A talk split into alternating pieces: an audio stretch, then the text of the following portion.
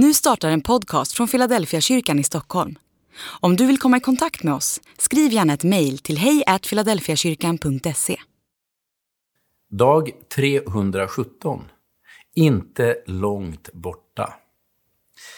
Han är ju inte långt borta från någon enda av oss, ty i honom är det vi lever, rör oss och är till, som också några av era egna skalder har sagt.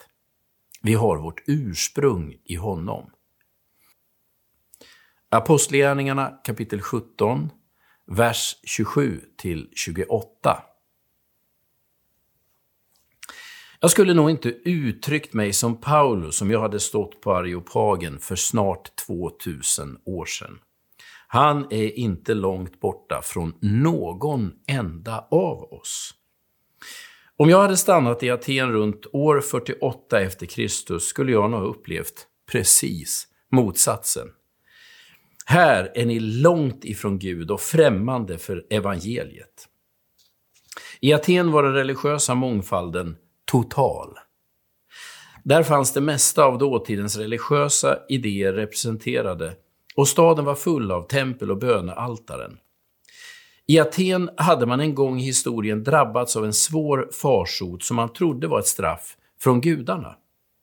Därför var man, var man noga med religiösa ting för att undvika att en sån katastrof skulle upprepas igen. När Paulus började predika evangeliet i Aten så möttes han av stor tveksamhet. Några undrade vad det är för visdomskorn den här mannen har snappat upp. Andra gjorde sig lustiga när de hörde Paulus tala om uppståndelsen från de döda. Dessutom verkar några tro att Jesus var en sorts gud och uppståndelsen en annan gud. Inte många rätt ur ett kristet perspektiv alltså. Ändå är det till denna publik som Paulus säger, han är inte långt borta från någon enda av oss. Det handlar inte om vad människor tror eller hur de lever och beter sig.